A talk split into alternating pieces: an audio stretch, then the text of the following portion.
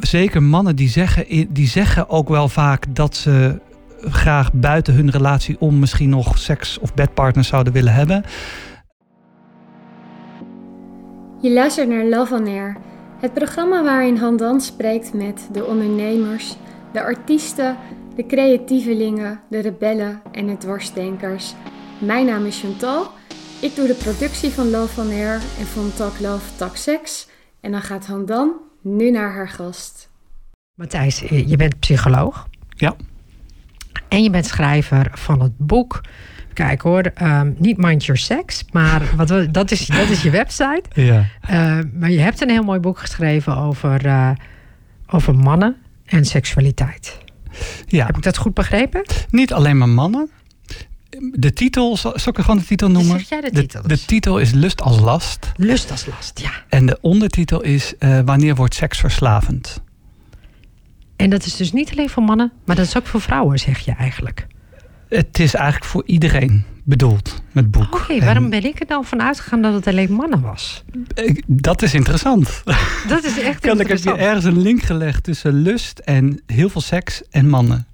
Inderdaad, dat is uh, nu, nu, kijk, nu hebben de luisteraars ook meteen zoiets van: kijk nou, die Handan die heeft toch nog. En dat heb ik zelf ook hoor. Ik denk ook zelf van: hm, weet je, ik wist niet dat ik, uh, ik wist niet dat ik dat dacht, maar blijkbaar dus wel. Ik dacht gewoon: jij werkt met mannen, maar dat is dus niet alleen zo. Nou, je noemde net Mind Your Sex. Dus Lust als Last is het boek dat ik heb geschreven. En Mind Your Sex is het bedrijf dat ik heb opgezet. En daar werk ik alleen met mannen. Dus ik kan me voorstellen dat je misschien dat door elkaar hebt gehaald. Tada, daar, daar zijn we. Ja. Zie je, dat, dat, dat, heb ik bekeken. Ja. Ik, zat het gisteren, ik zat gisteren je website te bekijken. En inderdaad, daar zag ik dat. Dus blijkbaar heb ik bedacht van... oh ja, dat zal dan wat daarmee te maken hebben. Maar dat is dus helemaal niet zo. Maar wat een ontzettend boeiend onderwerp. Ja, want Mooi. ik denk ook niet dat er heel veel mensen zijn die hierover hebben geschreven. Nee. Nee, dat was ons doel ook. Ik heb het boek dan samengeschreven met Herm Kistjes. En het was ons doel om... We hadden meerdere doelen, denk ik. Maar het, een van de voornaamste doelen was om dit onderwerp meer op de kaart te zetten. Dus, zeker het onderwerp seksverslaving. Je hebt seks en verslaving. Dat is best wel stigmatiserend. Klinkt best wel zwaar. Dus uh, er wordt ook niet makkelijk over gepraat. Dus wij dachten, wij willen daar een drempel in verlagen. Vandaar het boek. En dat is inderdaad, weet je, dat, daarmee heb, heb je ook het idee dat je dat hebt gedaan met je boek? Ja, wanneer heb je het idee dat je iets hebt gedaan hè, met je boek? um, ik krijg wel heel veel responsen zoals wat jij nu uh, zegt. Jouw eerste respons is interessant of uh, gaaf of leuk. Of in ieder geval iets in die trant. Um, en dat hoor ik wel heel, heel vaak. En ik ben heel blij bijvoorbeeld dat ik dan hier ben of waar dan ook. Om daar iets meer over te vertellen. Ja, dat snap ik ook. Ja. En, maar dus mensen vinden het allemaal interessant. Omdat ze blijkbaar het niet hadden bedacht. Dat weet ik niet. Ik denk zelf dat de meeste mensen het interessant vinden omdat het om seks gaat. En seks is natuurlijk een heet onderwerp. Of iedereen of heeft er een bepaalde relatie mee. En um, nou. Nou ja, we willen het, ik zeg altijd, we willen het allemaal graag doen. Of we willen het allemaal graag. We weten, ik weet niet of iedereen het doet, maar in ieder geval de meeste van ons van de wereld willen het graag. Ja, dat is, daarom ja. is het zo leuk. Ja, we zijn er veel mee bezig. We zien het eigenlijk de hele tijd om ons heen, expliciet of impliciet. En in de kern waar het hier om gaat, is natuurlijk als je er op een gegeven moment weinig beheersing meer in hebt, dat het een groot deel van je leven wordt en dan dat je daarin vastloopt. En andersom kan natuurlijk ook waar zijn trouwens. Dat als je er heel veel mee bezig bent in je hoofd, maar je doet er niks mee, dan ben je er alsnog heel veel mee bezig. En dan kan, je, dan kan het ook tegen je werken. Ja, ja dat kan het zeker. Ja. En, maar nu even over jou, hè? Ja. Matthijs, jij. Want, want het is eigenlijk, je bent psycholoog, maar hoe kom je nou, weet je, hoe kom je nou op dit onderwerp? ja, dat is een terechte vraag. weet je, hoe ben je hier ooit terechtgekomen? Weet je, wat heb je gedaan om hier, uh, ja.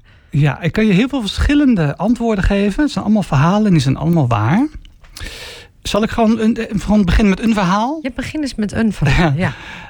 um, nou, een verhaal over mij is bijvoorbeeld dat ik het uh, interessant vind om uh, terrein te ontginnen wat nog niet heel erg ontgonnen is. Ik, bijvoorbeeld, ik ben begonnen, tenminste opgeleid als sport- en prestatiepsycholoog. Dus in de sportpsychologie. Dat was destijds uh, ook nieuw. Toen dacht ik, dat is gaaf, daar wil ik meer van weten. Na een paar jaar had ik dat wel gezien voor mijn gevoel. En toen door omstandigheden belandde ik ja, bij een verslavingszorginstelling en werd mij gevraagd: wil jij niet iets meer doen met seks? Toen dacht ik: hé, hey, maar dat is ook een onderwerp, daar is weinig over bekend. En daar, ik heb daar een fascinatie voor. Net als met sport heb ik ook een fascinatie voor seks. Kunnen we zo meteen misschien nog wel op, is weer een ander verhaal. En uh, zo ben ik er ingerold. En dus je zegt eigenlijk, je begon, maar, maar welke opleiding, waar, waar was dit? Wie, waar, waar werd sportpsychologie gedaan? Nou, ik zal een hele korte lifeline geven. um, even kijken. Ik, ik, ik, studeerde ongeveer van mijn uh, 18e tot mijn 26e. Lang gestudeerd. Um, halve, ik, psychologie ben ik gaan doen. Lang over getwijfeld of ik dat wel wilde of niet.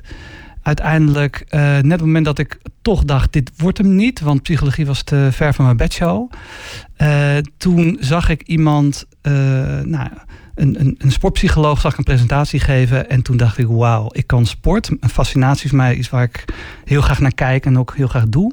Kan ik combineren met psychologie. Dus zo ben ik daarin beland. Toen dacht ik, ik word sportpsycholoog.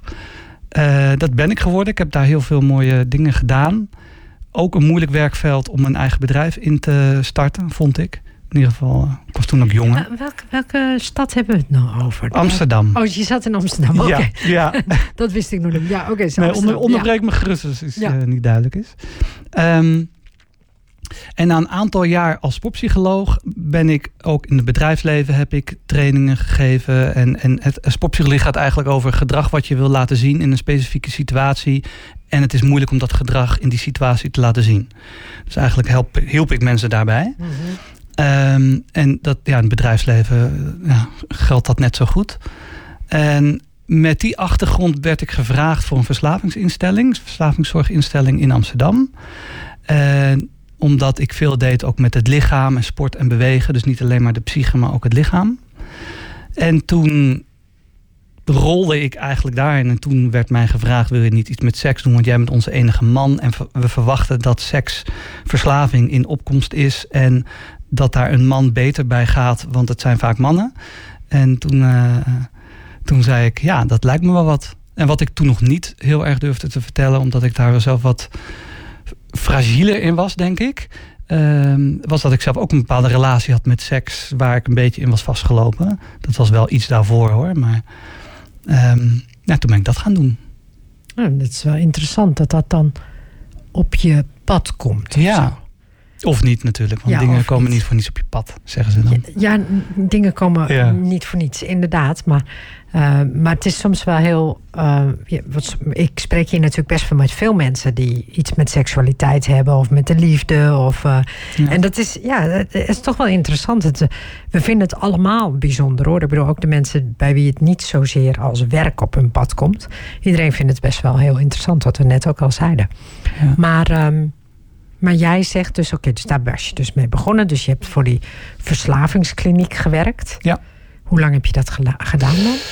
Uh, nou, eigenlijk tien jaar uiteindelijk. Het is nu, dat is best heel lang. Ja, want ik kwam er in ongeveer 2011 bij.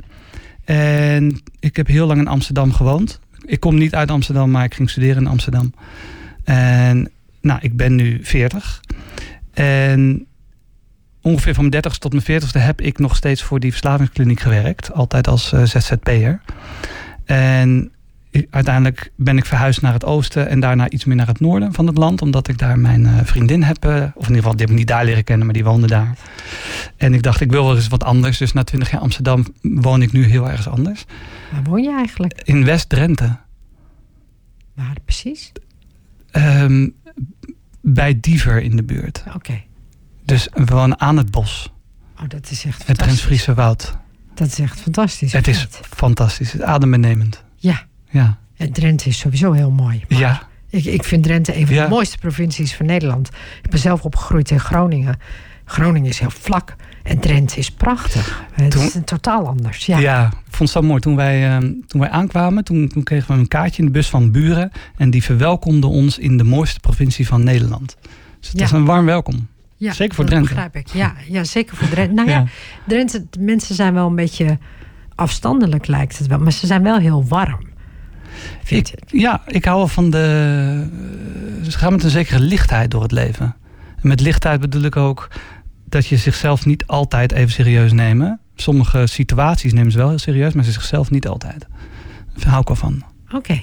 Oh, dat, zo had ik er nog niet naar gekeken. Maar dat is wel leuk om er zo op die manier naar te kijken. Maar goed, laten we eens teruggaan. Dus je, je hebt daar tien jaar voor gewerkt, voor die, uh, voor die organisatie. Maar heb je dan ook altijd met uh, mensen gewerkt met een seksverslaving? Of? Steeds meer. Steeds in het begin je zag het dus meer opkomen.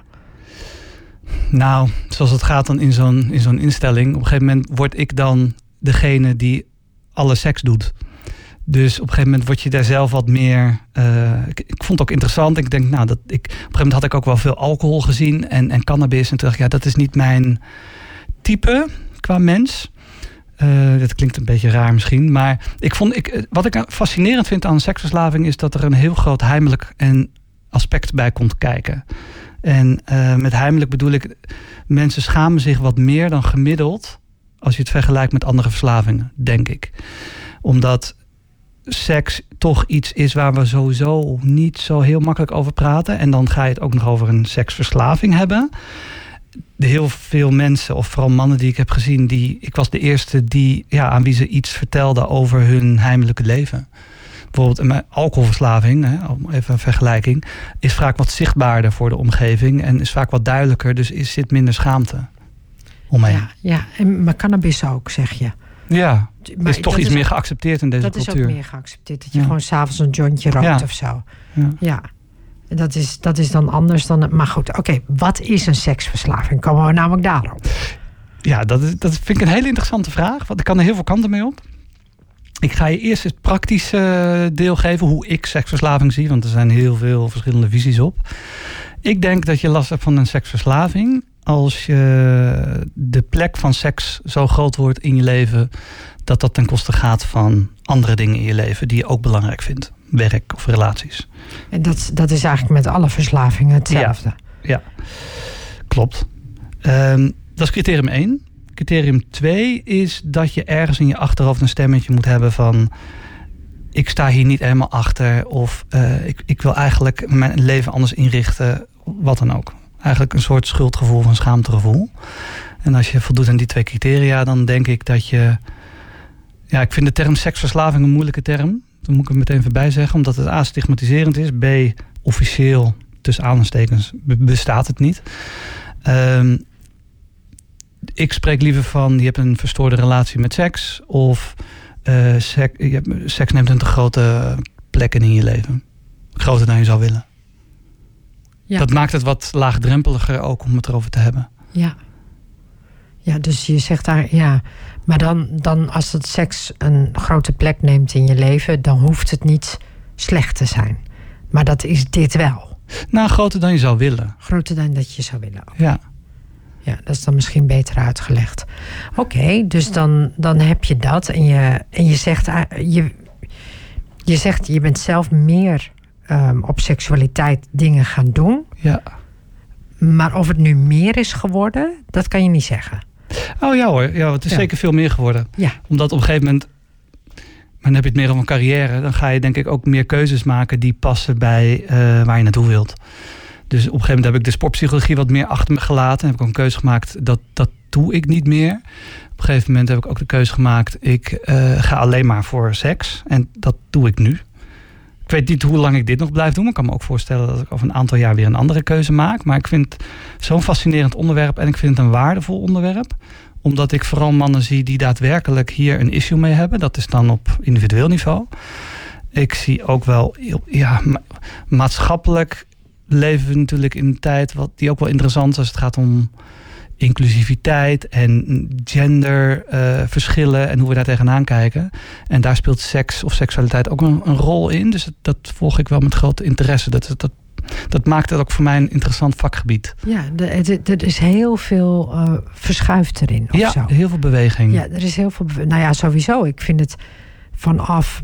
Ja, nou ja, we, we zijn mensen, dus we doen het allemaal. Hè? Dus we willen het allemaal doen, zoals ik in het begin zei. Dus er is of je nou in 1900 ernaar keek of in 1950 of dat je er nu naar kijkt, er is zoveel eh, veranderd daarop, eh, op dat gebied. Ja. Dus dat ja, blijft een, eh, inderdaad een interessant onderwerp. Maar als ik nou, weet je, jij zei zelf van nu van ik heb er zelf ook iets mee. Ja. Wat heb je er dan mee? um, nou, wat ik ermee heb is. Ehm, dat ik achteraf, dat is grappig hoe dat werkt. Als je het me toen had gevraagd, en toen spreek ik over een jaar of vijftien geleden. Dan, dan had, en, als je me dan had gevraagd van, heb jij niet een, een erg grote focus op seks bijvoorbeeld? Dan had ik gezegd van, of ik had gezegd van nee, dat valt wel mee. Of ik had gezegd van ja, maar dat vind ik fijn. Dus toen. Dit is dus precies wat ik bedoel. Want weet je, die grote, weet je dat je veel met seks bezig bent, vinden mensen niet heel gek nog. Nee. Dus vaak zie je het pas dat iets een probleem wordt in relatie tot de ander of in relatie tot je omgeving. En in mijn geval, ik, ergens wist ik wel dat ik niet zo heel handig bezig was. Want in mijn geval betrof het dat ik best wel veel affaires had terwijl ik een, een relatie had. Ik ben ook nog een tijdje naar het buitenland geweest om te studeren, naar Spanje. En daar ontdekte ik dat dat een heel avontuurlijk en spannend leven voor mij vervulde. En op die manier kon ik dat allebei. Ik had en een relatie thuis. En ik had een relatie, of ik had relaties en affaires en seks uh, ergens anders. En toen kwam ik terug uit Spanje en toen dacht ik, nou nu ga ik het anders doen. Want wat, wat, wat in Spanje blijft, blijft in Spanje. Uh, maar dat bleef niet. Dus dat is al een eerste. Dus je bedoelt, het, je kon zeg maar niet. Um, het bleef niet. Dus je had, bleef gewoon meerdere vriendinnen houden. Ja, dat is wat je ja, dus wilde. Of ja, je klopt, ja. bleef meerdere affaires houden. Ja. En nou, dat is een beetje klassiek, maar op een gegeven moment gaat dat dan uit. Mijn relatie ging uit, omdat dit ook uitkwam. En ik koos zelf ook voor iemand met wie ik een affaire had. Dus zo, klassiek verhaal. Dus dan kan je achteraf stellen, dat is wel het gevolg van mijn acties. Nou, die hebben een gevolg gehad dat ik mijn toenmalige vriendin, en uiteindelijk ook mezelf, uh, pijn heb gedaan. Um, dus ja, achteraf zou je dan kunnen stellen, had ik dan inderdaad een probleem met seks? Of waar had ik überhaupt een probleem mee? Uh, maar kennelijk had ik wel een probleem. Maar je zocht je dan, zeg maar, bij de al die, eh, zeg maar, als je dan relaties had of uh, met mensen buiten je eigen relatie, zocht je dan seks? Of zocht je ik denk niet. Zo, ja, ik denk, je? seks gaat nooit om seks. Tenminste, niet, niet als het gaat om een, het verslavende aspect ervan. Uh, heel vaak bij een verslaving hoor je, dit gaat niet alleen voor seks, maar voor elke verslaving, dat het gaat om leegte. Er zit een soort leegte onder die je probeert op te vullen. Of dat nou alcohol is of, of wat dan ook. Um, dus ik ben er heel veel aan het nadenken. Wat, verstaan wij nou onder die leegte? Dat is natuurlijk best wel een containerbegrip. Dus in mijn denken daarover heb ik nu drie nou, componenten bedacht waarvan ik denk, ja, daar gaat het om. En zeker bij seks.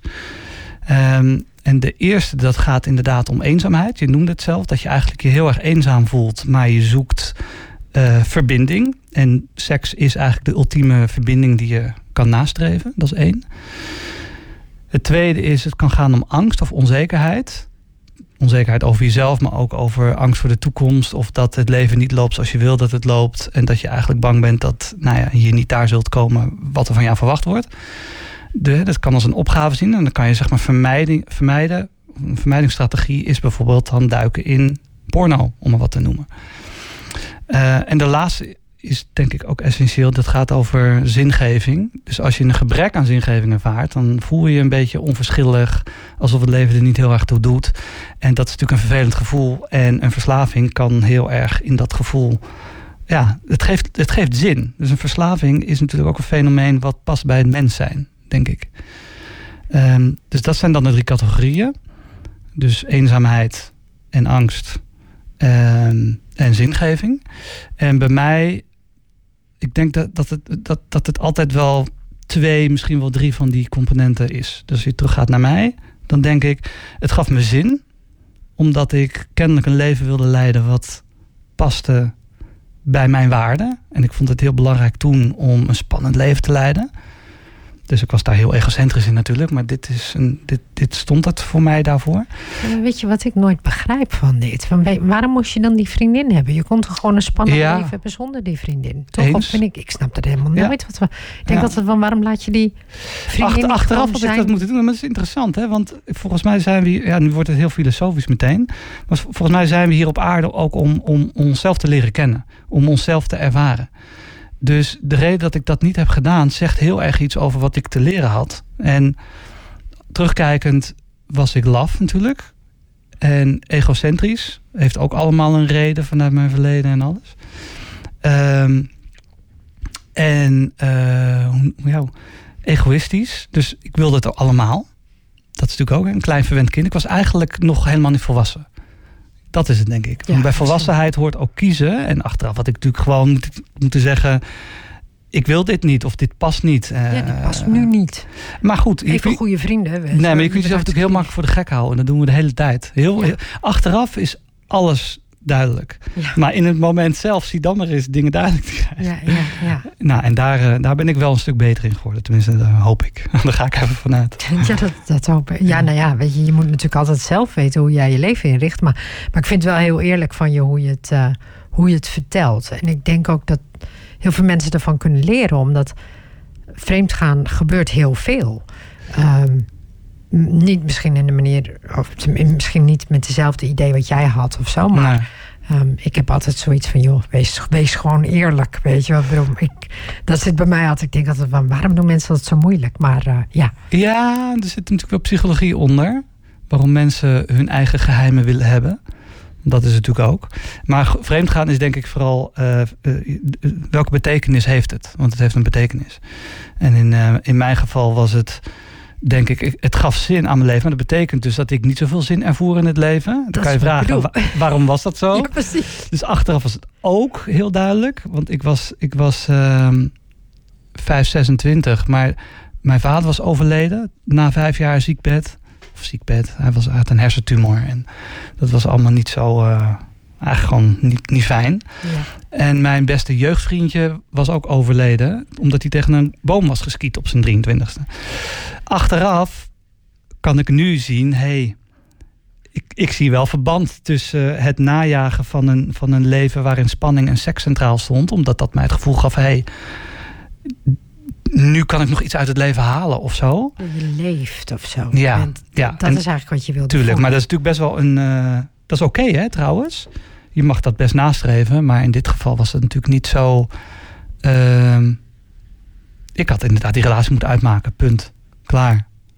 En dan, en dan met, met zoveel mogelijk verschillende vrouwen of zo. Weet je, ga, ga lekker je gang, denk ik dan, toch? Uh, ja, precies. Ja. ja. Weet je, daar, daar is niks mis mee, denk ik. Maar uh, het is, het, het, het, volgens mij, maar dan ben ik misschien wel iets te. Dat ik te veel, um, hoe zeg je dat nou, een plakkertje erop plak. Maar de, ik denk altijd van ja, weet je, maak het dan gewoon uit. Zorg niet dat iemand anders pijn ervan heeft.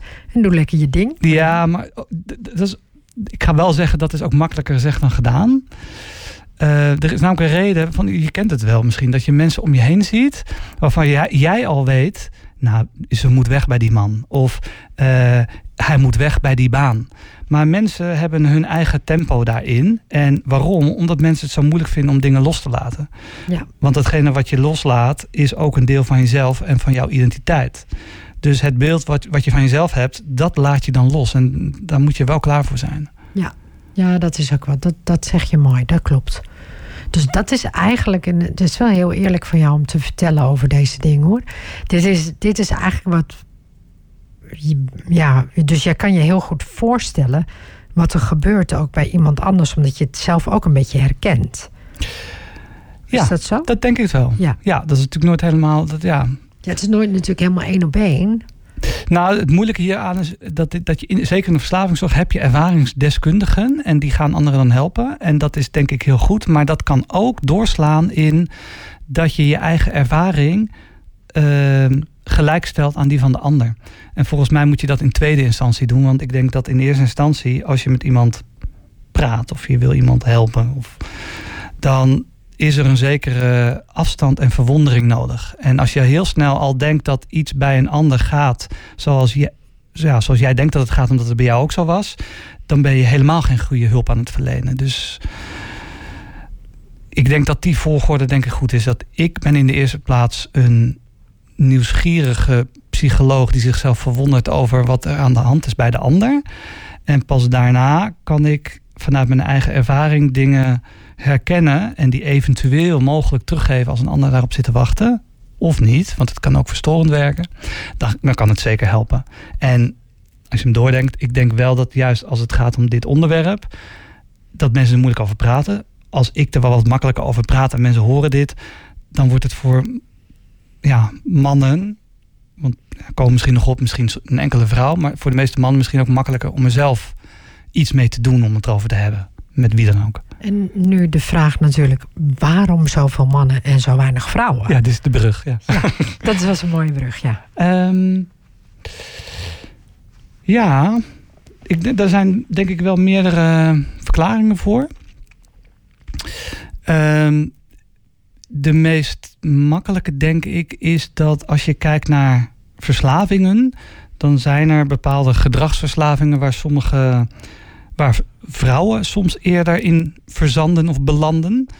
Ik denk vanuit biologisch, maar misschien ook nog wel vanuit cultureel, dus vanuit sociaal oogpunt. Dus bijvoorbeeld vrouwen. Koop, koopverslaving. Ja, kopen of eten. Dat is toch wel een vrouwelijk kopen, iets. Dat van vrouwen, ja. Meer in ieder geval. En bij mannen is het seks. Ehm, ook omdat ik denk dat mannen iets sneller aangaan op seks.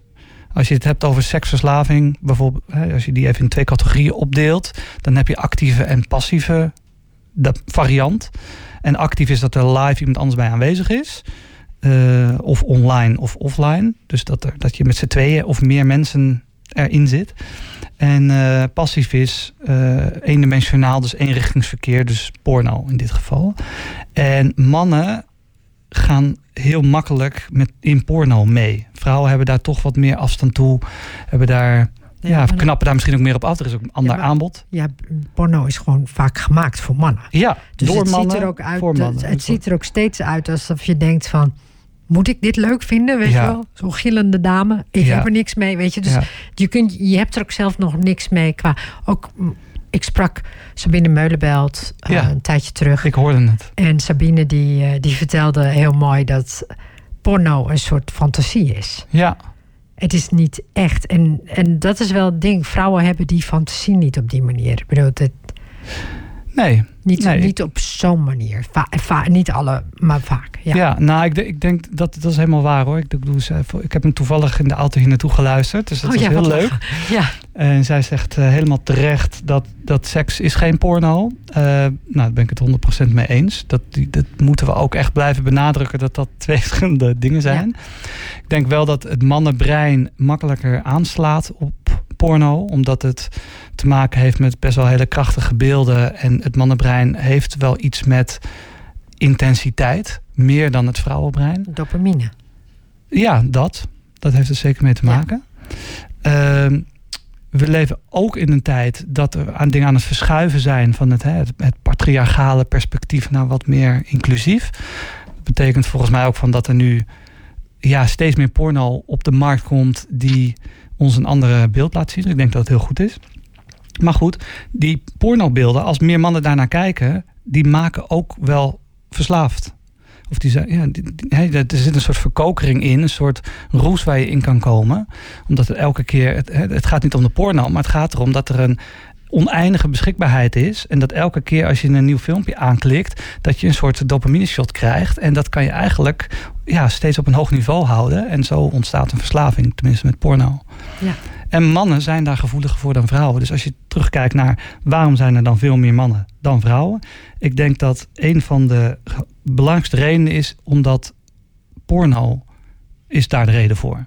Ja, Ik nou denk- ja, er- en is ook heel erg mannen dus ja, gericht. Ja, maar ook die actieve variant, dat moet ik wel bij zeggen. Ja, dat is dat daar, daar, vragen, daar, ja. daar, daar hoor je natuurlijk, daar zitten ook vrouwen in. In het Engels heet het officieel sex and love addiction. Dus dan hebben ze de component liefde erbij, wat ik heel goed vind. Want dat betekent namelijk dat je je seks kunt gebruiken om iets anders te krijgen. Liefde of aandacht of bevestiging. Dus het heeft heel erg te maken met je zelfbeeld of een lage zelfwaardering. En uh, nou, dat gaat natuurlijk net zo goed op voor vrouwen als voor mannen. Alleen in de hulpverlening zien we nog steeds heel veel mannen en minder vrouwen. En dat heeft denk ik te maken met de dubbele seksuele moraal. Dat het voor mannen toch wel iets gemakkelijker is om te zeggen: hé, hey, ik, uh, ik vertel hier makkelijker, denk ik, over mijn affaires. Dat heeft ergens misschien nog wel in de verte een Don Juan-achtig imago. Terwijl als je als een vrouw is zou zitten die zou doen, ja, dan nu is het misschien iets minder, maar dan ben je toch eerder een nymphomaan of een slet of een. Uh, ja, dus, dus. Als vrouw kun je dit soort dingen, weet je, als vrouw die dan netjes getrouwd is op een gegeven moment. Uh, en dan dat jij zou gaan vertellen: ja, nee, in mijn vorige relatie ging ik hartstikke vaak vreemd. Ik denk niet dat dat snel wordt uh, geaccepteerd. Nog Nee. steeds niet. Dat klopt. Nee, dus daarom vind ik het ook wel. Dan wil ik ook voor waken om te zeggen dat het vooral mannen zijn. Want ik denk ook dat er vrouwen zijn, maar die daar dus niet voor uit durven te komen. Omdat de stap eigenlijk voor vrouwen, als het gaat om seks of liefde, in, in het verslavende aspect daarvan. ehm, de stap voor vrouwen is dan denk ik juist te groot. En dat is ook niet goed. Ja, want kijk, als het gaat over lust, dan denk ik dat vrouwen en mannen hetzelfde hebben. Die hebben evenveel zin. Ja. Denk ik, weet Ja. je. Dus dat, dat is wel mijn conclusie. Het is Ja. niet meer dat ik denk van... oh, vrouwen hebben minder zin dan mannen of zo. Ehm, alleen daarna, wat ze doen met die zin... da- daar zit wel een shift of zo. Da- da- daar gebeurt wat. En Ja. vrouwen doen dat op een andere manier dan mannen dat doen. Over het algemeen, als we over man-vrouw hebben. Ehm, als we het hebben over andere... Dus hoe zeg je dat? Non-binair, not, whatever. Dan, Ja. dan weet ik het niet meer helemaal goed, moet ik eerlijk zeggen. Maar, eh, maar als we het hebben over man-vrouw, dan, eh, ja, dan vind ik daar wel een verschil of zo eh, in zitten. Dus zouden vrouwen dan ook dus meer verslaafd kunnen zijn aan de liefde? Ja, Gewoon de aandacht? dat denk ik wel. Ook, maar ook dat heeft een culturele component. Hè? Als je als, als vrouw kom je. Maar goed, ik, ben geen vrouw natuurlijk. Maar ik denk wel dat je er vrij snel achter komt. dat je ook een bepaalde macht hebt. Als je als vrouw in je eentje eh, uitgaat. en je gaat ergens zitten. Dan, en, je, en je wil iemand haak slaan. dan is dat zo gebeurd. Dus dat heeft dan een hele andere lading. Als man krijgt het jagen een lading. Of als, jij, als ik in mijn eentje ergens ga zitten. of welke man dan ook. dat weet ik niet. Dat, dan, dan denk ik niet dat er al een vrouw naast me komt zitten. en mij een drankje gaat aanbieden. Ja, dat gebeurt niet vaak. Nee. Misschien nu wel ietsje vaker, maar eh, het gebeurt niet heel vaak. Het is niet, het is niet, want als vrouw kun je er bijna van uitgaan dat als je alleen ergens gaat zitten, dat er wel iemand je een drankje Ja. aanbiedt. Maar dat, dat doet iets met hoe je je bewust wordt van jezelf. en Van je invloed op de omgeving. En wat je eventueel kunt krijgen als je iets inzet. Bijvoorbeeld je vrouwelijkheid inzet. En als het gaat om liefdesverslaving. Om dat even die term weer van stal te halen. Dan denk ik wel dat vrouwen daar dus gevoeliger voor zijn in zekere zin. Omdat ze bewust worden van het feit dat ze bepaalde macht hebben die ze kunnen inzetten. En dat geeft op zichzelf ook weer een goed gevoel. Ja, ik zit er echt aan te denken. Is dat zo dat dat dan. Is dat dan zo dat het echt een- goed gevoel geeft? Of dat je. Het klinkt heel stom, maar ik heb het nooit als macht gezien. Ik vond Hmm. het behoorlijk vervelend. Ja, dank u. Ehm, omdat het soms ook dat je namelijk nergens naar zoekt. Je, bedoel, je bent helemaal Zeker. er niet mee bezig. En dan krijg je, eh, ik noem dat enorm veel gezeik. Weet? Ja. Ik bedoel, dat, dat is wat ik vaak dacht. En dus ik weet niet hoe andere vrouwen erover denken hoor. Maar ik vond dat heel veel gezeur. Nou, ik denk dat, dat vooral wat jij nu zegt. Ik, ik- kijk, we hebben het hier over uitwassen. Hè? We, bedoel ik, we hebben het over de minderheid. Ik denk dat wat jij nu zegt, dat is denk ik een gezonde uitspraak van iemand die dit gewoon vervelend vindt. Die zijn grenzen kan aangeven. Die bijvoorbeeld relaties met anderen, dat ken voor de rest niet. Maar eh, als, je, als je gezonde relaties hebt met, met anderen, dan weet je wat je vervelend vindt en wat niet. Zeker als het gaat om deze problematiek, dan heeft dat natuurlijk ook vaak met hechtingsproblematiek van vroeger te maken. En die je op een bepaalde manier in relatie met een ander wil oplossen op een niet zo constructieve manier. Dus en als je dus zeg maar een vrouw zou zijn die daar een probleem mee hebt, dan zet je eigenlijk je seksualiteit in om dus allerlei Precies. mannen naar je toe te trekken. Dat is eigenlijk wat je bedoelt. En Ja. dan ga je daar een beetje een soort spelletje of zo mee spelen, denk ik dan. Ja, terwijl dat is natuurlijk een ongelijke verhouding die je dan hebt. Terwijl maar waarom ik, is dat een ongelijke verhouding dan? omdat je, als het gaat om macht, hè, als het macht het centrale thema is in een relatie die je aangaat met iemand, dan is dat per definitie ongelijk. En iets wat ongelijk, ik denk dat gezonde, tussen aanstekens gezonde mensen met een gezonde psyche, die willen gelijkwaardige relaties aangaan met mensen. Dus op, op, op het moment dus dat je dus of ergens onder gaat zitten, toevallig hoorde ik het eh, met Sabine ook, jullie dat over pleasen. Ja. Pleasen is ergens onder gaan zitten, is natuurlijk ook niet zo gezond. En ergens boven gaan zitten, dus iemand je wil opleggen, is ook niet zo gezond. Dus dit soort dingen, en daarmee bedoel ik dus als je last krijgt van seks of liefde of seks inzetten als machtsmiddel, dat wordt pas een probleem natuurlijk in relatie met een ander. En daar, daar zie je dan ook vaak dat de problemen ontstaan. Ja, dat leg je wel mooi uit. Maar je legt het ook zo uit en dan merk je ook meteen hoe moeilijk het in elkaar zit. Het zit echt wel, een, het zit echt wel ingewikkeld in elkaar.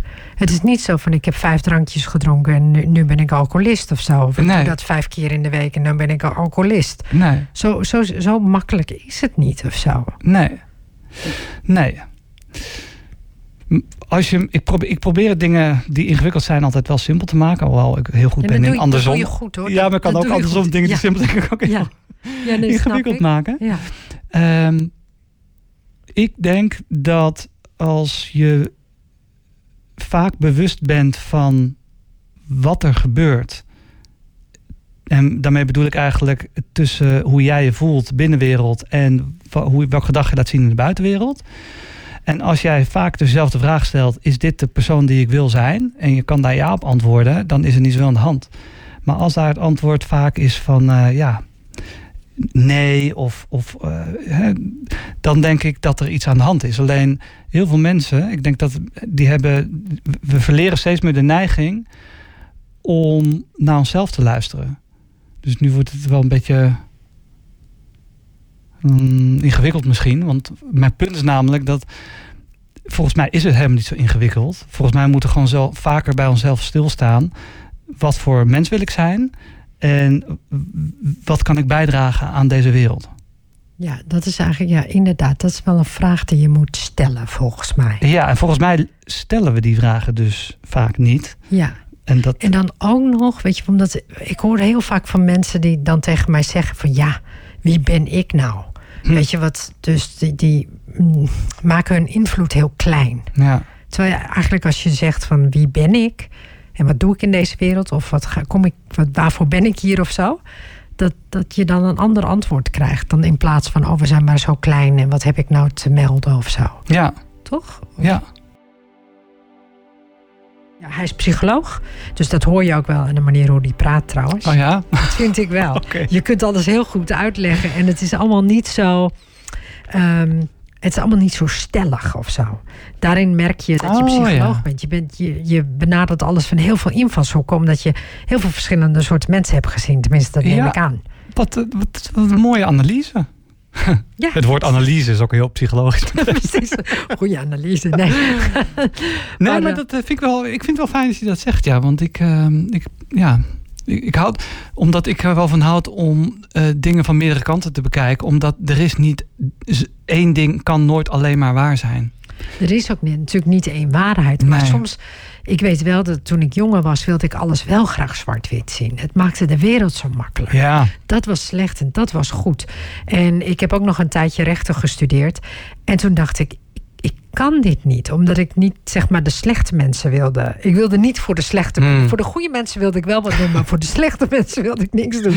Dus dat zat er altijd in mijn hoofd. eh. dus da- daar moest ik, wel, eh, moest ik nu wel een beetje eh, aan denken. Maar we hebben het natuurlijk de hele tijd over... eh, eh, seksualiteit Ja. en over de verslaving daarvan eh, gehad. Of hoe noem je het? Liefde en seksualiteit, verslaving. Toch? Ja. Dat is misschien een betere bewoording, zeg jij. ja. Of als er te veel tijd, aandacht en energie uitgaat naar seks en liefde, meer dan je zou willen. Dan, ja, maar dat is dan een heel lange... Ja, dat weet ik. Dan in de volksmond. Ja. eh, Seksverslaving bekt wel wat lekkerder, ja. Precies, dat bekt beter, ja. Ja, Maar weet je, ik, ik was zo aan het nadenken. Ik dacht, toen je je verhaal, verhaal vertelde. Kijk, het is voor vrouwen heel makkelijk, zeg maar, om in een bar te zitten en dan, uh, dan om iemand te vinden of zo. Um, maar nu lijkt het alsof mannen, maar mm, correct me if I'm wrong, want dat kan ook gewoon een perceptie zijn, wat het ook heel makkelijk kan zijn. Um, het lijkt alsof mannen vaker vreemd gaan, dus allerlei verschillende vrouwen hebben, terwijl vrouwen makkelijker aan een man kunnen komen en terwijl dat niet zo is. Hoe kan dat? Is dat zo? Ben ik of klets ik nu uit mijn nek? Nou, ik weet niet of dat zo is. Volgens mij gaat, gaat. Het is wel bekend, voor zover ik weet uit onderzoeken, dat mannen altijd uh, hun, hun bedpartners altijd naar boven afronden en vrouwen eerder naar beneden. Oh ja, dat is natuurlijk ook zo. Dat als, als, je, als het er 25 zijn geweest, dat mannen zeggen maar 30. Ja. En vrouwen zouden zeggen, nou, misschien 10. Ja, Zoiets. precies. dus, dus volgens mij, ik ben altijd geneigd te zeggen dat het volgens mij. Um, heel erg overeenkomt. Ook als het gaat om vreemd gaan. Volgens mij gaan net zoveel vrouwen vreemd als mannen. Uh, ook, het zou ook logisch zijn. Ja, er is een onderzoek naar geweest ja. wat inderdaad aantoonde dat dat zo was. Ja, en volgens mij ergens in het boek, maar ik ben echt even de precieze getallen kwijt. Maar de, de conclusie was eigenlijk wel dat zeker mannen die zeggen, die zeggen ook wel vaak dat ze graag buiten hun relatie om misschien nog seks of bedpartners zouden willen hebben. Ehm, maar dat blijkt eigenlijk niet zo te zijn als je dat gewoon in vertrouwen vraagt. Dus als je dat gewoon vraagt. Hoe bedoel je? Nou.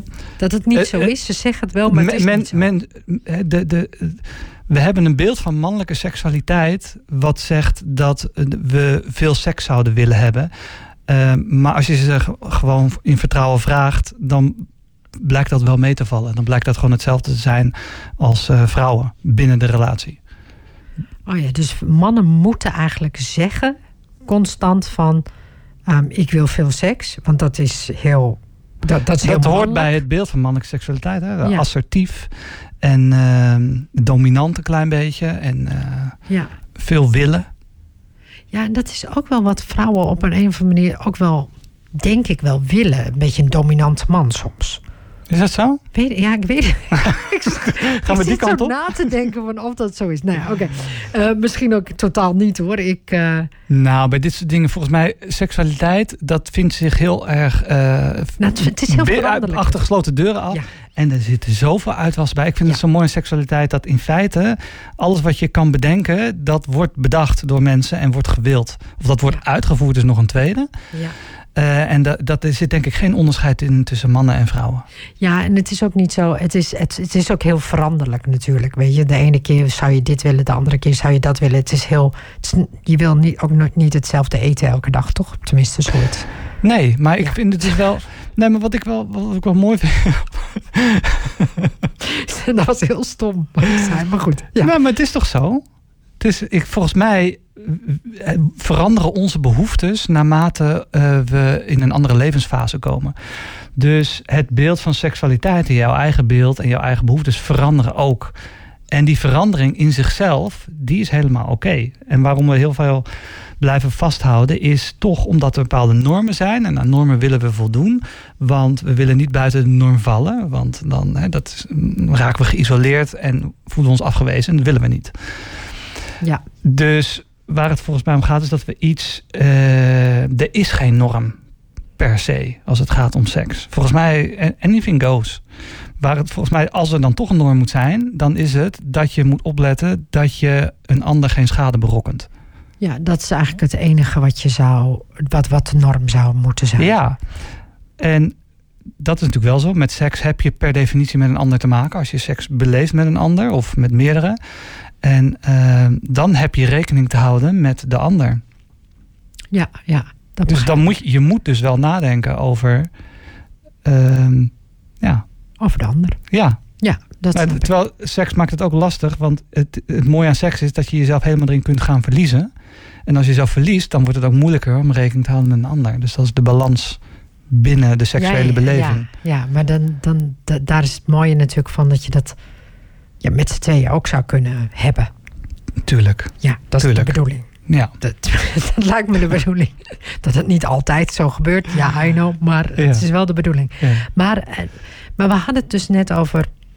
Want het werk wat je nu... Want je werkt niet meer voor die kliniek. Nee, Wat doe je nu dan precies? Ehm, ik heb Mind Your Sex opgericht.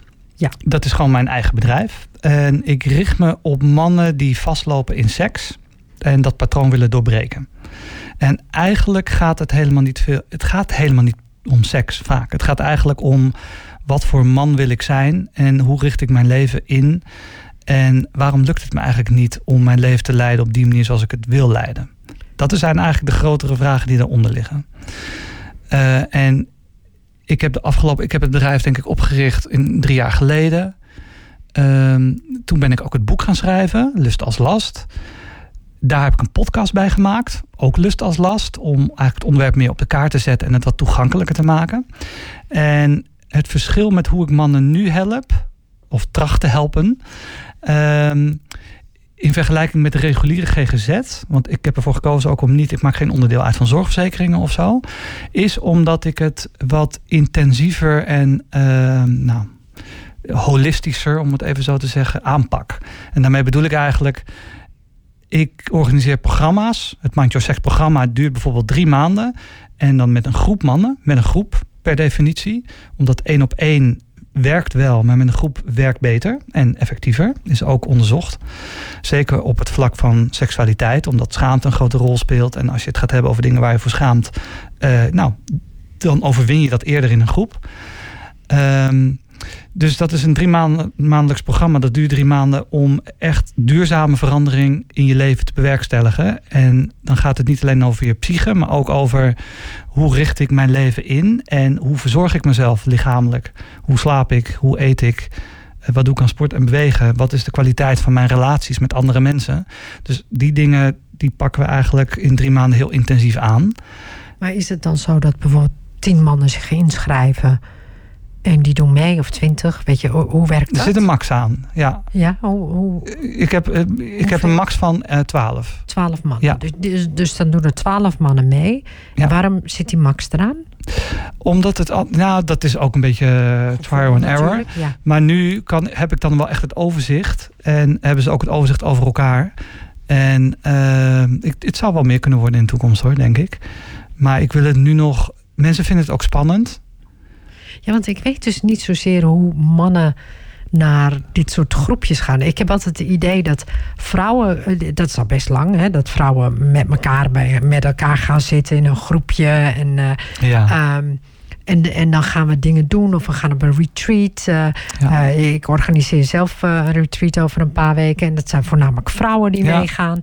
Um, dus ik heb helemaal niet het idee dat mannen dan dat, dat soort dingen zoveel en zo snel doen. En laat staan met zichzelf aan het doen ze ook niet zo snel. Nee, precies. nee, nee voordat, mensen, voordat mannen dit gaan doen, dan uh, vaak kennen ze mij ook wel al een beetje. Vaak, uh, of ik, ik, ik heb bijvoorbeeld ook een online programma en dat duurt dan tien weken en dat is puur ge, gericht op gewoonteverandering. Omdat hè, seks en zeker porno is heel is vaak een, een onderdeel van je leven. Gewoon wat je ja, als remedie gebruikt. Als oplossing voor heel veel dingen waar je anders niet over nadenkt. Um, maar dat is puur op het een beetje oppervlakkig niveau. Dat je gewoonteverandering doormaakt. En dat duurt dan tien weken. Maar natuurlijk is, ja, je bent niet voor niets vastgelopen in seks en porno. Vaak spelen de psychologische mechanismes of ja, grote thema's uit jouw leven een rol. Dus is alleen gewoonteverandering vaak niet genoeg. Moet je eigenlijk een laag dieper gaan. En dat is wel de route die mannen wel vaak doorlopen. Dat ze eerst een beetje tiptoeing willen doen. Dus eigenlijk een beetje kennis maken met mij. Want je wil je wel openstellen, eh, maar wel met iemand met wie je dan de befaamde klik voelt. Um, en dat betekent eigenlijk gewoon dat mensen zich veilig moeten voelen. En dan moeten ze jou een beetje leren kennen. Dus dat is een beetje de, de trap die, het, ja, die, die mannen dan doorlopen. En dat, dat is ook wel. wel um, want ik, ik geef ook wel eens yogales. En dat inderdaad, soms geef ik apart yogales aan een man, omdat hij niet durft oh, ja. in een groep meteen ja. te gaan. Ja. Zij moet het eerst begrijpen. Ja. En dan pas, dan gaan ze, dan kun je het laten gaan en dan gaat men wel zelf. Ja. Dat is dat heel apart. Maar dat, nee, ik snap dat dat hier natuurlijk ook, uh, ook het geval is. En, um, want, want praten mannen makkelijk over zichzelf. Ik, ik, heb, ik, heb, ik, ik heb ook eens een keer, of tenminste, ik heb een, een afgelopen jaar heb ik het uh, programma Amsterdam Talk Sex gehad. En de laatste aflevering ging dus over mannen. Ah ja. En het, heel jammer dat je daar eigenlijk niet was. Want het was echt wel wat geweest om jou daar te hebben. Ja, nou, volgende keer ben volgende ik graag keer, bij. Ja, dan wil ik echt wel dat. Ik denk namelijk dat je er ontzettend veel over kan vertellen. En, toen, en mijn eerste vraag daar was: van, uh, zijn, zijn mannen uh, wel empathisch? Hmm. Is dat ook een vraag die je nu stelt? Dat stel ik nu ook ja, jou. Nou, Want ja. vooropgesteld, het, het, het, het, tussen aanhalingstekens het moeilijke met dit soort, uh, nou, laten we het discussies noemen, is dat we ook wel een beetje segmenteren tussen mannen en vrouwen. Terwijl het zijn ook gewoon uh, groepen mensen. Hè? En binnen die groep heb je natuurlijk inderdaad mannen die praten helemaal niet makkelijk over zichzelf. Of zijn helemaal niet empathisch. En er zijn ook heel veel mannen die, die praten wel heel makkelijk en zijn wel empathisch. En dat zal voor vrouwen net zo goed gelden. Niet elke vrouw vertelt heel makkelijk over zichzelf of is empathisch. Dus hè, dat even als uh, nuancering. Um, dus ik vind het ook moeilijk om daar een uitspraak over te doen. De mannen die ik zie, die, dat is niet altijd zo. De meeste die dragen toch wel een beetje een geheim met zich mee of voelen zich beschaamd. Um, sommigen niet overigens, dus die praten ook veel makkelijker daarover. Ik zal een voorbeeld geven. Soms heb ik bijvoorbeeld een man en dan, dan gaat het bijvoorbeeld om porno of zo. Maar in, in plaats van het gedrag te benoemen, gaat, dan draait hij eromheen. Dan zegt hij, ja, dan doe ik eigenlijk iets wat ik liever niet wil doen. En dan moet ik eigenlijk invullen dat hij dan porno bedoelt. Terwijl, hè, dan vraag ik natuurlijk eigenlijk door van, nou, dan probeer ik het hem zelf te laten zeggen. En als hij dat echt niet doet, dan ga, zeg ik gewoon, oh, je bedoelt gewoon porno. Of... Uh, en dan, dan ga soms dan prik ik nog even door om dan te vragen wat voor soort porno die dan kijkt. Want dat vind ik ook relevant, maar dat is dan ook soms weer te spannend. Dus je moet het, ik volgens mij, wat ik in ieder geval doe, is dat ik het per individu een beetje aftast. Dat snap ik hoor. Maar terug naar jouw vraag, uh, of mannen empathisch. Van waar is het belangrijk eigenlijk de vraag of mannen wel of niet empathisch zijn? Omdat heel veel vrouwen zeggen eigenlijk uh, vaak dat mannen niet zo empathisch zijn. Dus of mannen zijn. Um, ja, hoe zeg je, denken, zijn heel egoïstisch. Of mannen, wat, wat het nieuwe is, is um, dat, dat, dat iemand een, um, hoe heet het nou, is. Ik vergeet elke keer het woord, maar dat is zo'n. weet je, narcistisch. Dat, narcistisch. Die, ja. ja. Dat lijkt wel alsof dat echt nu overal voorkomt. Oh ja? Tenminste, ik, ik ja. weet je dat, je dat je de hele tijd hoort... nee, dat is zo'n narcist. Dat is, oh ja. En ik zat in een narcistische relatie en dan denk ik van... Weet je wat het narcistisch is dan? Weet je wel? Ik bedoel, ja. dat is, weet je, misschien was het licht of zo, maar uh, narcisme is toch wel gewoon echt een ziekte, dacht ik. Maar, uh, nou, we moeten oppassen met dingen uh, heel erg snel labelen. Want van vrouwen wordt niet vaak gezegd dat ze heel narcistisch zijn. Nee, maar daarvan krijg je vaak het horen van dat is wel een borderline type bijvoorbeeld. Ja, van vrouwen wordt heel veel gezegd Dus, dat ze wat- borderline dat- zijn. Ja, Dus dat ze hysterisch zijn. En daarna weer niet. En dan weer hysterisch en daarna weer niet. En van mannen wordt heel erg gezegd. Je denkt dus heel erg. oh, je, je kijkt alleen maar naar jezelf. ja, maar de vraag is natuurlijk, wat, wat bedoelt men daarmee als, dat, als men dat zegt? En we leven natuurlijk in een tijd, en nou, ja, dat niet alleen, taal wordt gebruikt om iets te verduidelijken. Alleen, ja, soms spreek je niet helemaal dezelfde taal. Soms gebruik je, een, gebruik taal terwijl je eigenlijk dat niet helemaal bedoelt. Maar dat wordt dan wel zo opgevat. Dus ik denk dat we wel met z'n allen wat meer moeten oppassen welke taal we gebruiken. Want als je echt een narcistische persoonlijkheidsstoornis hebt, bijvoorbeeld, of borderline, dat is wel echt even iets anders dan iets wat jij bedoelt te verduidelijken met die term om een relatie te duiden, bijvoorbeeld. Ja, dat wat meer, dat, dat zeg maar, dat narcisme gaat eigenlijk meer over iemand die wat egoïstisch is, bijvoorbeeld. En eh, Ja. borderline is iemand die gewoon, die, die soms een beetje boos wordt, zeg maar. Ja, die heel snel boos wordt, die snel wegloopt en dan toch wel heel snel terugkomt, omdat het dan snel weer goed. Een beetje zo'n instabiele relatie. Ja.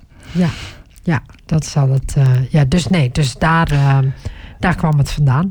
Oké, oké. Ehm, wil je hier nog op door op de Of empathie? zo empathisch zijn? Nee, het heeft niet zo heel veel zin. Omdat we inderdaad, weet je, ik denk eh, ook wel dat mannen eh, allemaal anders zijn. Maar ik denk dat die empathie ook anders werkt, vaak. Dat die op een andere manier werkt, eh, zeg maar. Wij, wij vrouwen willen dat graag op een bepaalde manier soms. We zeggen van dat moet zo en zo en zo. Ja. Is, dat- is dat nu anders dan, dan, dan 20 jaar geleden? Dat weet ik niet of dat anders is dan twintig jaar geleden. Ik denk, nou ja, ik denk wel dat vrouwen wel iets meer ehm, iets sneller kunnen zeggen van dit is wat ik wil en sneller ook stoppen. Hm. Wat ze vroeger niet zo snel deden. Nou, ik denk dat sommige dingen, dat klinkt heel eh, breed, maar die zijn wel naar elkaar toe aan het bewegen. Hè? Bijvoorbeeld die inclusiviteit, die gaat er volgens mij vooral om dat ehm, we ons bewust worden dat we ook met taal, hoe we iets noemen, bijvoorbeeld nu iemand bruin noemen kan niet meer, maar zwart wel. Dat maakt dat we ons bewuster worden van uh, dat taal uitmaakt. En dat dat ook iets doet met een ander. Dus in die zin denk ik dat misschien als, dat als soort dat we misschien wel empathischer worden. Aan de andere kant is het inclusiviteit denk ik ook een gevolg van de technologische ontwikkeling dat we nu internet hebben, dat we nu de smartphone hebben, dat we online of uh, social, social media hebben. Dus dat betekent dat we ons veel bewuster worden van heel veel andere levens. En daar waren we 30 jaar geleden nog, ons helemaal nog niet bewust van. Dus het bewustzijnsniveau van de mens als soort, die is zich ontzettend aan het ontwikkelen. En dat heeft ook wel uiteindelijk weer gevolgen voor ons zelfbeeld. Maar goed, nu maak ik een heel, aantal stappen. Nou ja, ik denk dat daardoor het heel erg verandert. Dus wat je dus zegt, is dat daarmee relaties ook veranderen. Mensen daarmee ook veranderen. Ja. Waar, dus dat je dus ook dus zeg maar niet meer kan zeggen van oh, mannen hebben die en die persoonlijkheid of zo. Toch? Dat is eigenlijk wat je ermee wil zeggen. Ja, maar we hebben het nu denk ik over een paar verschillende dingen.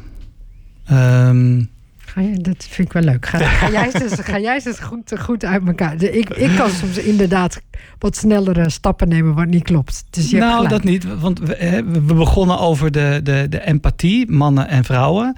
En toen begon ik over, uh, nou ja, dat ik, dat ik niet weet of, die, die, of die, die, dat per soort geldt. Dus ik probeer het eigenlijk meer te zien dat. Ik ben in die zin ook een psycholoog, dus ik ga uit van het individu. Ehm, en tegelijkertijd... als je bent geen socioloog, want dan nou, zou je het anders zeggen. nou, maar ik ben wel sociologisch aan het worden. Omdat ik wat ik zie, zeker verslaving, is ook een... Uh, dat is niet een individueel iets. Dat is natuurlijk iets van ons... Hè, dat, ik zei al eerder, dat, dat hoort bij het mens zijn, denk ik. Maar wat ik vooral zie is... En daarom gaat het nu over twee verschillende dingen. Het gaat niet zozeer over empathie. Het gaat vooral over waar ik naartoe wilde. Is... Uh, dat we ons wel heel erg veel bewuster worden van dat we moeten oppassen hoe we iemand labelen. Maar we zijn zo bewust aan het worden dat we als het ware daar zo in doorslaan. Dat we ook heel erg bewust worden van onszelf. En dat je niks meer kan zeggen of zo. Bedoel je dat? Um, dus dat het heel moeilijk is om mensen. Je kunt, ik kan bijna geen hij meer zeggen of ze, weet je, zij meer zeggen. Om, want dan hoor ik bijvoorbeeld, ja, ik noem mezelf geen hij of zij. Mm Denk ik van, hoe noem ik je dan? Ja. Je? En, uh, ja, dus we zijn heel erg bezig met het identificeren ja. van mensen of groepen. Um, um, ja. Ja, en, en dan letten we dus ook op onze woorden. En we proberen daar dus ook de juiste bewoordingen voor te vinden. Ja, het is, een, het is niet. De, ons hoger bewustzijn maakt het niet makkelijker. Nee. Dat is, dat is in ieder geval wat waar is. Maar, maar als ik nou. Kijk, want. Ik wil toch nog doorgaan op die mannengroepen die je dan hebt. Ja. Hè? Dus dan heb je die mannengroepen. En. Want ik moet het dan maar een beetje in die termen zeggen dan in plaats van even individu. Wat, wat zie je dan bij die mannengroepen vooral gebeuren? Hmm. Um, en dat zal per individu wel anders zijn hoor, maar laten we eens een groep ja. benoemen. En bedoel je dan de ontwikkeling die ze bijvoorbeeld ja. doormaken? Ja. Of, Weet je, uh... zie jij een ontwikkeling dat, dat je zegt van wauw, dit is, dit is heel anders wat er nu gebeurt? Weet je, kom je nou, dan bijvoorbeeld een hele alfaman die heel anders wordt of zo? Of, uh... Nou, wat ik vooral zie gebeuren is dat. Uh, laat ik het zo zeggen. Als je verslaafd bent of je, je loopt ergens in vast, dan voel je je eigenlijk niet zo veilig in jezelf. Want je kunt niet van jezelf op aan. En wat ik zie gebeuren is dat mensen zich veiliger gaan voelen in zichzelf. Ah, dat is heel mooi. Dat is echt prachtig gezegd. Dank je. Ja, want dat had ik niet, niet bedacht, weet je. Maar dit Ah, is ja. echt mooi gezegd. Ja. Ja. En wat ik ook zie gebeuren is. ehm, dat mensen, mannen dan, misschien meer keuzes maken die ze anders niet zouden doen. Wat natuurlijk ook logisch is, want op een gegeven moment. als je een, keuzes bedoel je? Nou, ja, bijvoorbeeld, als je niet doet wat je wil doen in het leven, dan moet je keuzes maken. En daar hebben we het eigenlijk al eerder over gehad, dat ik bijvoorbeeld zelf niet wegging bij mijn relatie toen. Dat ik had die keuze moeten maken, maar mensen maken geen keuzes uit angst. En je vraagt, wat, wat zie ik gebeuren in die groepen? Dan zie ik eigenlijk dat angst, iets waar ze bang voor zijn, bijvoorbeeld ook om zichzelf op de voorgrond te, uh, te zetten, om iets over zichzelf te vertellen, waar ze zich voor schamen, als dat weggaat en je leert eigenlijk ook nog op een andere manier omgaan met gedrag wat je liever niet doet, en je leert dat een andere plek geven, dan krijg je ruimte voor, om, om nieuwe dingen, andere dingen, misschien dingen die al heel lang in je achterhoofd zitten, daadwerkelijk te gaan doen. En dat bedoel ik met keuzes. Bijvoorbeeld wel weggaan bij die baan, of misschien zelfs je relatie verbreken, of uh, ja, je leven op een andere manier inrichten. En daarvoor is dat programma eigenlijk bedoeld om, om het heel uh, catchy te zeggen, om een betere versie van jezelf te worden. Nou, ik denk dat iedereen dat wel nodig heeft hoor de, de, de, de, de kracht durven te vinden om dingen te kunnen, dingen te veranderen of zo. Ja, maar goed, ik bedoel, er zijn natuurlijk heel veel. Ik ben niet de enige die dit doet. Alleen mijn haakje dan is toevallig seksualiteit. Seks. Nou ja, ik denk dat op het gebied van seks dat niet veel mensen dit doen. En ook niet veel mannen dit doen. Ik zie het wel veel in het buitenland. Oké. Dus ik zie wel veel in Australië en in, in Amerika zie je echt wel groepen mannen dan steeds meer bij elkaar komen. Ja. En jij bent voor mij nu de tweede volgens mij die ik in Nederland tegenkom. Oh ja, oké. Nou, dat, valt misschien nog wel heel veel te winnen. Hè? Want als ik, als ik hem denk ik plat sla, dan gaat het... Kijk, ik heb het ook Mind Your Sex genoemd, mijn bedrijf. Wat ik, ja, vond ik wel catchy ook. Ja, vond ik ook catchy. Ik denk Mind the Gap, Mind Your, uh, mind your Sex. Mind Your Step, ja. Ja, Mind Your Step. Ja, maar het gaat er ook om dat je moet nadenken over... wat voor soort relatie wil ik met mijn seksualiteit heb ik een gezonde relatie met seks en met seksualiteit. Maar daarvoor moet je dus weten wat je daaronder verstaat. En dat is voor iedereen verschillend. Als je het hebt over seksualiteit, dan denk ik, dat is natuurlijk een heel breed begrip, dan vertaal ik hem als wat is de beleving van jouw seksen? Dus voor mannen geldt, wat, is, wat versta ik eigenlijk onder mannelijkheid? En dat zijn niet vragen die we onszelf vaak stellen. Het heeft ook te maken met ja, welke plek wil ik als man innemen binnen mijn relatie of op mijn werk of in mijn leven, in de maatschappij? Wat ik vind, want ik heb het wel eens over de manbox gehad. Ken je dat? Nee, vertel. De manbox is zeg maar. Mannen zitten ook heel vast in de manier hoe ze moeten doen, hoe ze Tuurlijk. moeten denken, hoe ze zitten allemaal vast. Ja. Nou, maar soms lijkt het wel meer als dan, dan vrouwen af en toe. Vrouwen hebben zich best wel een beetje losge weekt of zo van allerlei dingen. En dan, dan is er nog steeds heel veel. Ja. Maar, maar mannen, hoefden nooit in beweging te komen. Hè? Precies, en nu, nu zie je opeens van mannen, weet je, het idee dat mannen mogen niet huilen, het idee mannen mogen niet bepaalde kleding aan. Weet ja. je, dat, dat is eigenlijk, dat hadden ze heel mooi in de Verenigde Staten, noemden ze dat de man box. Oh ja. Hoe je moest doen, dat je moet in die box blijven. Je kent het wel, tenminste, dat is heel bekend natuurlijk, van de, de witte heteroseksuele man, dat zijn natuurlijk de meeste mannen in onze cultuur, die staan natuurlijk helemaal bovenaan qua privileges. Dus ik ben zelf ook zo iemand, dus ik hoefde nooit in beweging te komen. Het is dat de afgelopen jaren, en ook zeker, ik heb ook veel geleerd van bijvoorbeeld mijn vriendin, hebben we het hier ook wel regelmatig over. Dat, dat ik ook veel meer gaan na, ben gaan denken over die positie en over wat mijn invloed is of kan zijn op anderen. Dus eh, vroeger, een paar jaar geleden, of vijf jaar geleden, heb ik misschien gezegd van nou, ik hoef me helemaal niet zo uit te spreken over dat hele feminisme of over wat dan ook. En nu zie ik daar wel de meerwaarde van, juist omdat ik die geprivilegeerde positie heb. En ik denk dat mannen zich daar wel steeds meer van bewust worden dat ze daar uh, verantwoordelijkheid in kunnen nemen. En dat ze dus in beweging moeten komen. En als ze dat niet doen, dat je misschien minder man bent. Tenminste, dat is dan wat ik versta onder mannelijkheid. Dat je dus in beweging komt en verantwoordelijkheid neemt om die uit te spreken. En daarom zit ik ook hier. Daarom maak ik een podcast. Daarom vertel ik mijn verhaal. Omdat, ja, ik denk dat je daar... Uh, de wereld draait niet alleen om jou. Maar ik vind het ook wel mooi dat je zegt... Dus dat je dat jij wat doet, zeg maar, om te ja, om, om je, je, je, hebt, je hebt je eigen mannelijkheid geformuleerd. Daar ga je mee aan de slag. Um, dus dat, dat vind ik wel mooi dat je dat zo omschrijft. Nou, wou ik iets anders zeggen. Dat glipt me door mijn hoofd en het zit bijna. Nou, ja, nou ja, maakt niet uit. Um, dat komt zo wel, uh, zo wel weer terug. Um, maar het is, ja, die, hoe mannen zich moeten gedragen uh, in deze samenleving is. Het, het is wel anders dan vrouwen. Of vind je dat niet? Ja, ja, wacht, ik wilde iets zeggen over je geprivilegeerde ja, heb je privileges. Ja, daar ja. wou ik wat over zeggen. Nou, dus daar, daar wilde ik op ingaan. Kijk, dat is zo moeilijk als je niet alle vragen exact opschrijft. En daar ben ik altijd heel blij mee. Maar het is soms ook dat je denkt, hm, die privileges, witte man, je bent heel erg um, geprivilegeerd. Hoe zeg je dat nou? Je, dus je bent zeg maar aan die top van die food chain, van deze paternalistische maatschappij. En dan, ja, wat, je zegt dat je wat, dus je maakt die podcast en zo, maar wat doe je dan nog meer? Wat zijn de dingen waar je nog meer bent achtergekomen dan? Hmm. Ja, ik vind dat ook wel, ik vind nou. het heel leuk of heel goed van je dat je dat doet, zeg maar. Maar, hm, hoe dan? hoe dan? Nou, um, hoe heet ze nou? Mijn vriendin die, die, die, die, die, uh, die wees mij op een gegeven moment. We hebben ook samen gekeken op zo'n, volgens mij een Australische cabaretière. Ik weet even niet haar naam, maar die hebben we toen gekeken. Een lesbienne. Uh, ik zal je een voorbeeld geven over wat ik, dan, wat ik nu dan anders doe.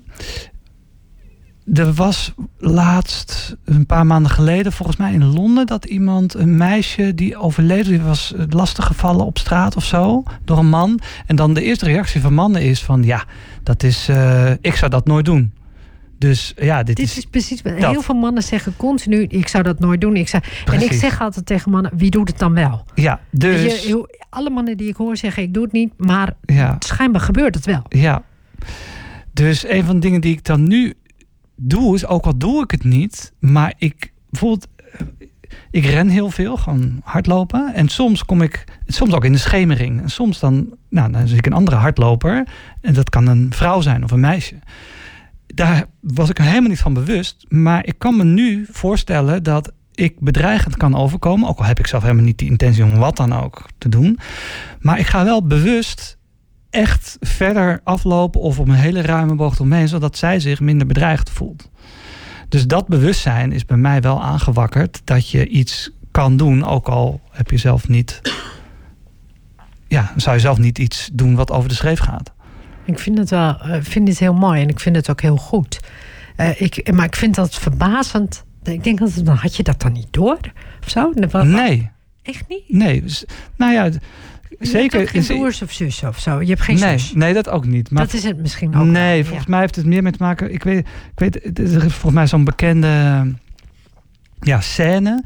Dat een hele groep mensen. En, en die gaat dan op een gegeven moment allemaal uh, vragen worden gesteld. En dan moet je een stap vooruit zeggen als je ja kunt antwoorden of zo. Ja, He, van je bent wit. Ja, je hebt, ja, heb je allebei ja. ouders bij elkaar, et cetera, et cetera. En op een gegeven moment staat helemaal vooraan staat de witte man.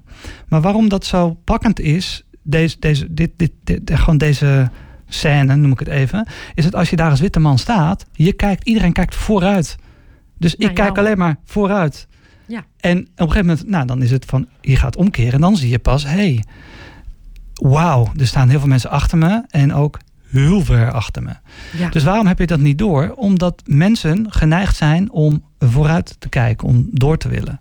Dat is ook wel een goede. En waarom heel veel mannen, er zijn natuurlijk ook heel veel mannen, die hebben hier, en dat, dat, dat is wel mijn taak, vind ik. Die hebben hier die, die reactie van die hebben hier scheid aan, we moeten niet zo moeilijk doen. Of daar heb je ze weer, die feministen, of wat dan ook. Ja. Uh, terwijl je, je kan dat wel doen, maar dan ontken je dus dat er allemaal mensen achter je staan. Want dan wil je vooruit blijven kijken. Dat snap ik wel, want dat is een fijne positie waar je in zit. Want alles komt jou toe en je hebt de beste baan en het hoogste salaris. Terwijl ik vind dat je de verantwoordelijkheid hebt om om, om te kijken. Maar mensen kijken niet, graag om. Maar is dat niet een heel socialistisch principe wat je nu eigenlijk zegt? Dat je dan terugkijkt en humane en zo. Ja, dan maak je het misschien politiek, maar volgens mij is het gewoon een menselijk principe. Maar denk je nou, kijk bijvoorbeeld, ik, ik ben Turks, hè. Dus ik, ga naar, eh, dus ik ben in Turkije en ehm, dan vraag ik me af of dat ook op die manier is. Of als ik in India ben, waar ik ook wel eens ben geweest, of dat ook op die manier is. Of je dan. mm, Ja. of, of dat echt ook dan iets te maken heeft dat we in een heel socialistisch land zitten, wat heel fantastisch is. Mhm. Heeft het daar dan ook niet mee te maken? Ja, natuurlijk. Ja, dat denk ik wel. Ehm,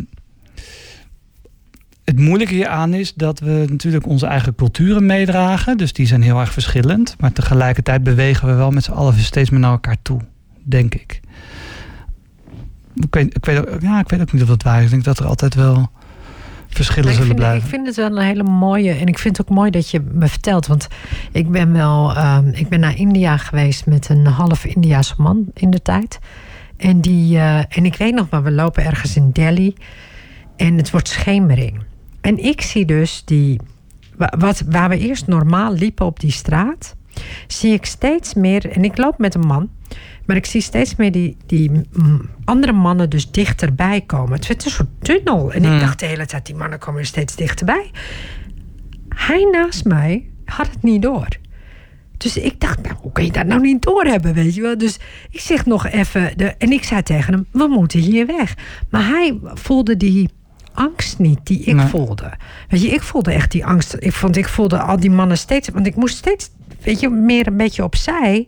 Dat ik dacht, ze komen, mensen komen, weet je waar je personal space in, in normaal een meter is, werd het nu een halve meter en Ja. soms gewoon 20 centimeter. En ik dacht, nou, en doordat het donker werd, dat, dat viel me heel erg op. En ik voelde me heel onveilig. Ja, Hij had het niet door, want hij voelde die onveiligheid totaal niet. ja.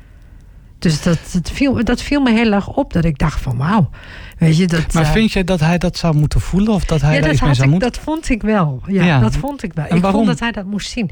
Nou ja, omdat ik, ik had zoiets, je moet me wel, dat was ook toen eh, mijn vriend. Ik vond dat hij me moest beschermen. Ja, En ik dacht, weet je, wa- waarom bescherm je me niet of zo? Dat moet jij toch ook zien? Je moet, je moet al die dingen meteen scannen of zo.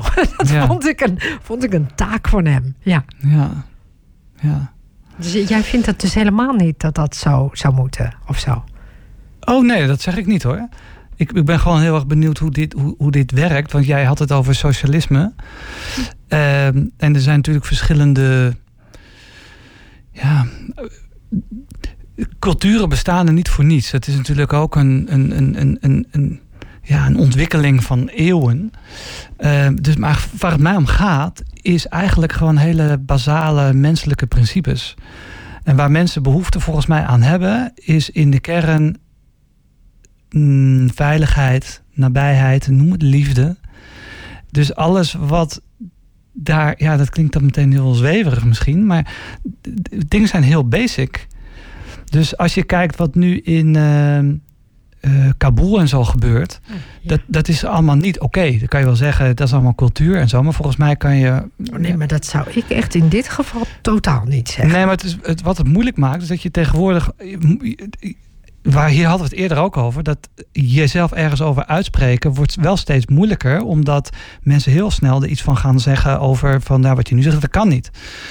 Maar bijvoorbeeld, eh, volgens mij, hè, zei Geert Wilders niet ooit van, eh, ja, het is een achterlijke cultuur. Dus je gaat al heel snel, als, ik, als je hier iets over zou zeggen van ja, dat wij meer geëvolueerd zouden zijn dan andere culturen, dat, dat, is, dat Oh, kan je nee, misschien, zo- dat oh, kan je niet ik zeggen, denk ik. Nee, wat ik bedoelde met, eh, met dit was dat in mijn optiek moet een man, waar je dan ook bent hoor, want dit had ook in Nederland kunnen gebeuren, hij moet, hij moet zeg maar dat gevaar zien of zo. En ik moet zeg maar er gewoon naast kunnen huppelen, omdat hij zeg maar dat gevaar ziet.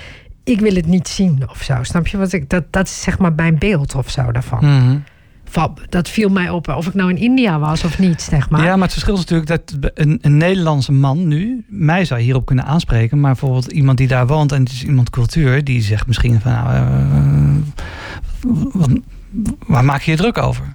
Dus die Ja. doet het daarmee af. Ja, dat, En, dat, en, de- en, en, de- en vraag, de vraag is dan van, heeft hij dan gelijk omdat het zijn cultuur is?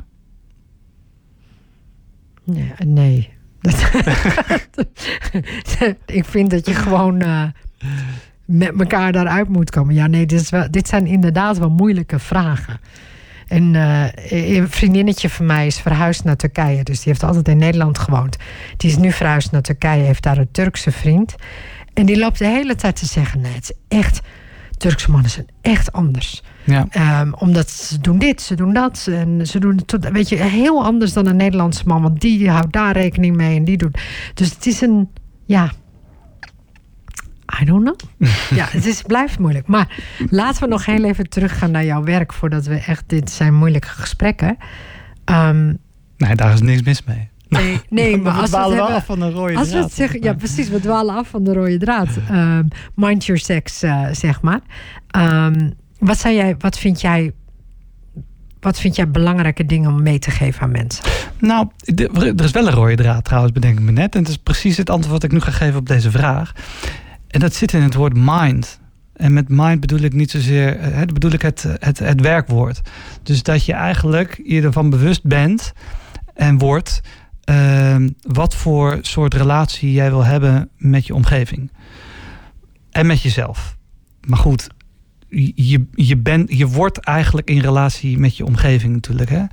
En, um, en heel vaak denken we daar gewoon niet over na.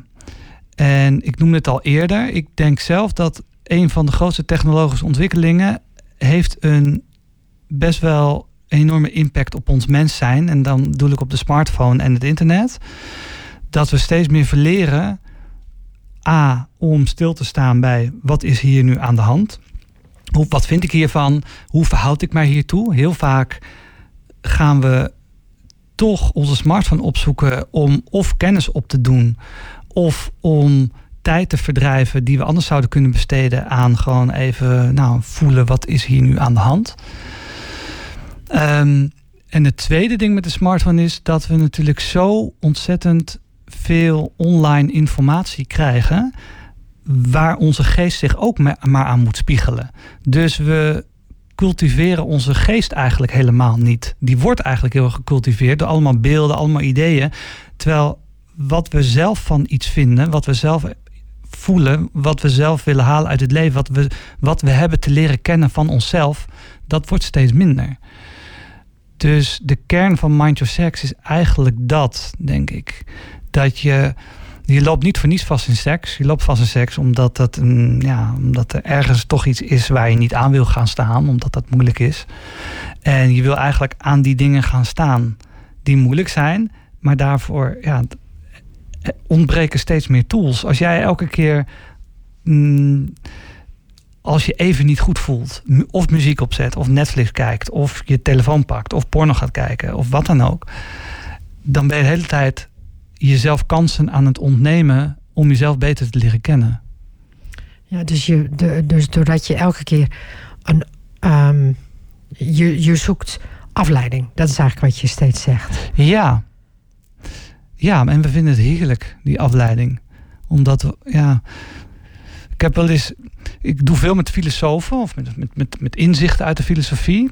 En um, er was. Volgens mij zeg ik het ook in mijn podcast ergens. Er is een Frans filosoof, Blaise Pascal. En die. Daar hoef het niet mee eens te zijn. Maar die zegt eigenlijk. De mens is continu op zoek naar verstrooiing. Want als we onszelf niet kunnen verstrooien. dan moeten we eigenlijk stil gaan staan bij de absurde vraag.